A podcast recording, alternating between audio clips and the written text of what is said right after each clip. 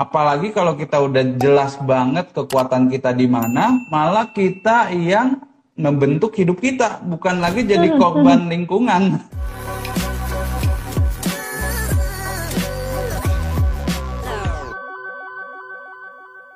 Hai, selamat sore ya. Sudah dua minggu saya nggak nyapa Anda lagi di Instagram live vlog untuk Sonora Feng Shui yang seperti biasa di pukul 4 sore, di pukul 16 ini ya kita akan ngomongin soal feng shui, ngomongin soal uh, kalau misalnya Anda juga mau bertanya gitu ya, mau bertanya, mau konsultasi juga boleh.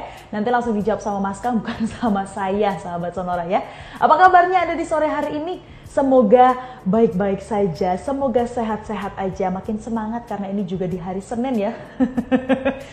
Biasanya nih kalau kita udah semangat di hari Senin, jangan langsung diforsir sahabat sonora. Tengah-tengahnya ini biasanya suka aduh suka berhenti, suka agak ngepaus dikit uh, energinya. Tapi kalau dari awal sampai akhir ini yang semuanya balance sesuai dengan feng shui ya, semuanya balance biasanya sampai weekend ini nih uh, energinya juga fine fine aja baik baik aja ya.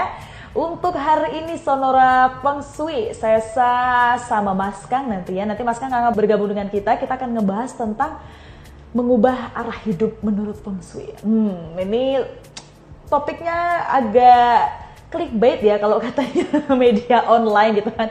Agak clickbait. Jadi untuk anda yang mungkin ngerasa kayaknya arah hidupnya ini harus sedikit diubah Feng Shui bisa ngejawab nggak ya? Bisa, tapi uh, dipastiin dulu untuk Anda yang memang mau bertanya, ada nama lengkapnya juga, ada tanggal, bulan, tahun lahirnya juga ya. Jadi biar langsung nanti akan dikonsultasikan ke Mas Kang, jadi Mas Kang juga bisa ngebantu ini. Bagusnya gimana? Seharusnya seperti apa? Gitu. Hari ini Mas Kang udah join, sahabat Sonora juga tadi udah udah ada yang titip pesan juga ini pertanyaannya tolong ditanyain gitu ya. Oh iya, ada pertanyaan langsung. Apa kita langsung pertanyaan? pertanyaan. Loh, sabar dulu Mas, kan ada topiknya kan? Topiknya ada topiknya ya? Ada topiknya. Apa nih Cukup topiknya? Clickbait, mengubah arah hidup menggunakan feng shui.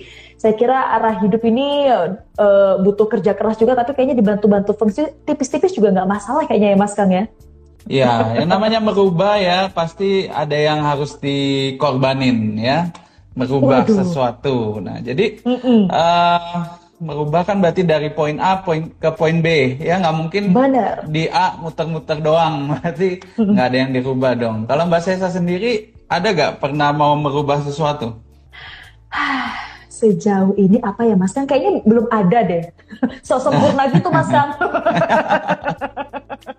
ada juga kok yang seperti itu ya jadi uh, kepercayaan dirinya tinggi ya jadi sesuatu yang tidak perlu dirubah sebenarnya bagus itu ya.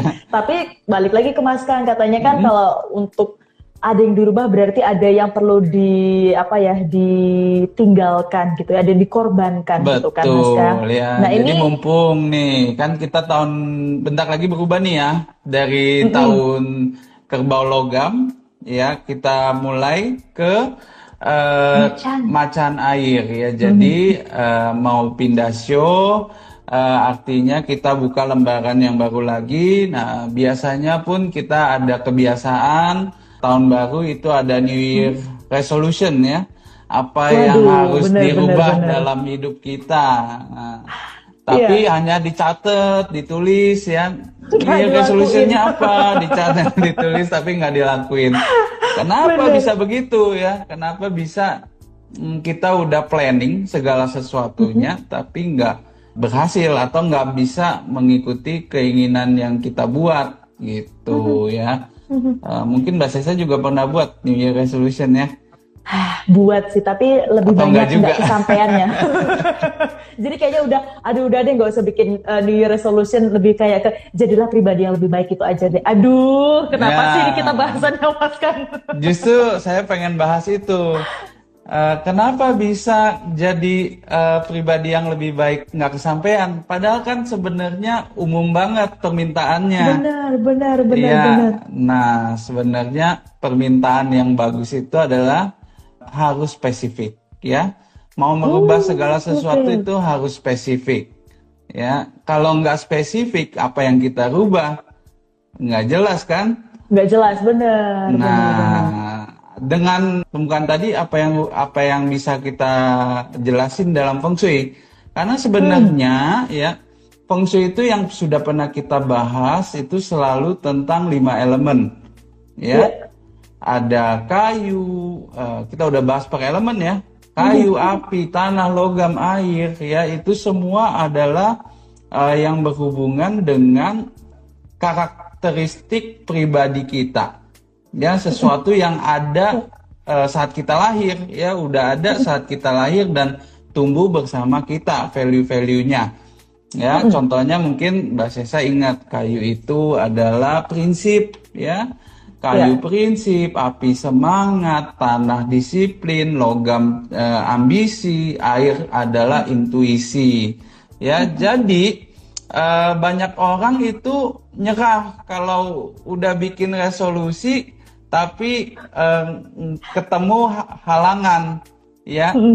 Nah, itu jadinya bukan kita yang take control, bukan kita yang ngontrol hidup kita, malah kita dikontrol sama keadaan. Benar, benar, benar. Ya, jadi kalau saja kita tahu kekuatan dan kelemahan kita, ya itu mm-hmm. pasti uh, apa yang datang dalam kehidupan kita baik jelek baik bagus itu kita bisa maksimalkan ya yeah. apalagi kalau kita udah jelas banget kekuatan kita di mana malah kita yang membentuk hidup kita bukan lagi jadi mm-hmm. korban lingkungan kalau sekarang kan ah uh, saya mau berhenti rokok tapi teman-teman saya rokok semua. Bener, circle-nya pada ya. ngerokok semua. Nah, jadi agak susah lepasnya ya Mas Kang ya.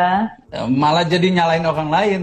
Ya, si A bener, tuh, bener, si B tuh, ya padahal dari diri sendiri aja belum kebentuk keinginan yang kuat. Nah, jadi nomor hmm. satu itu ya keinginan yang kuat dulu. Nomor satu prinsip, ya nggak boleh gampang untuk berubah ya berubah-ubah keinginan, ya berubah-ubah prinsip. Nanti jadi orang yang nggak punya prinsip, ya.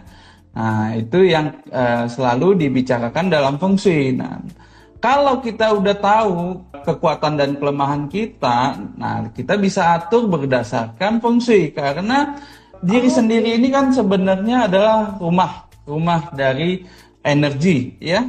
Nah dari diri kita, lingkup yang kedua lebih besar adalah rumah. Ya, jadi kalau kita udah tahu kelemahan kita misalnya di unsur kayu ataupun di unsur lain, maka kita bisa buat penguatan di sektor-sektor rumah kita. Ya. Oke. Okay. Seperti mm -hmm. itu. Contohnya misalnya kalau kita bicara kita kekurangan elemen kayu, ya berarti kita harus kuatkan kayu. Unsur kayu akan menjadi kuat kalau kita berikan uh, support dengan unsur air, karena kayu akan tumbuh dengan uh, disuplai dengan air yang cukup gitu. Maka sektor kayu kita berikan akuarium seperti itu. Ya, itu adalah contoh-contoh sederhana, tapi elemen-elemen itu emang ada di lingkungan kita yang kita bisa manfaatkan.